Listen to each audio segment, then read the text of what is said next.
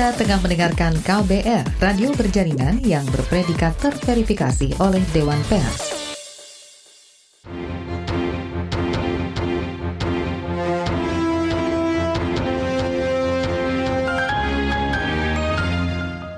Inilah kabar baru dari KBR pukul 15 waktu Indonesia Barat. Saya Nafisa Deana. Kita awali dari informasi pemilu. Kabar Pemilu. Kabar Pemilu. Mahkamah Konstitusi MK menyatakan presiden yang sudah menjabat selama dua periode tidak bisa menjadi calon wakil presiden untuk pemilu selanjutnya. Itu merupakan putusan dari uji materi soal syarat calon wakil presiden di Undang-Undang tentang Pemilu yang diajukan Ketua Umum Partai Berkarya Muhdi Purwo Pranjono atau Muhdi PR. Ketua MK Anwar Usman mengatakan Mahkamah prinsipnya telah menegaskan masa jabatan presiden wajib dibatasi. Amar putusan mengadili, menolak permohonan pemohon untuk seluruhnya.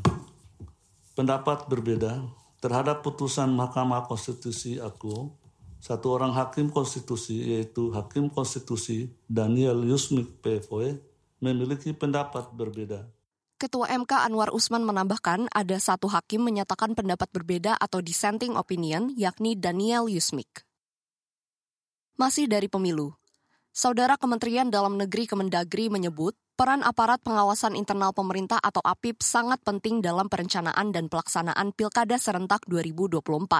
Hal itu disampaikan anggota Inspektorat Jenderal Kemendagri Wiratmoko dalam acara pemantapan koordinasi kesiapan anggaran Pilkada serentak hari ini.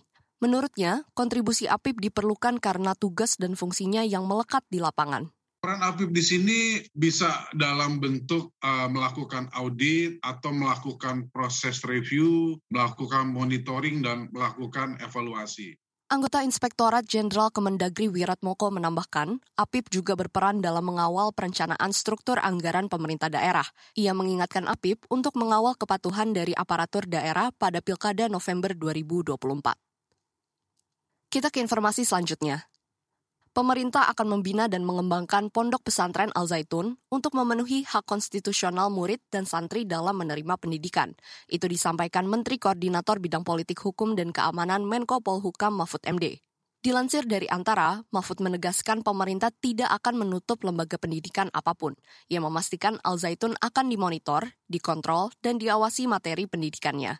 Menurut Mahfud, pemerintah memandang Al Zaitun sebagai lembaga pendidikan yang memiliki produk sangat bagus, dengan murid dan santri yang pintar, sehingga pemerintah akan menyelamatkan Al Zaitun sebagai lembaga pendidikan.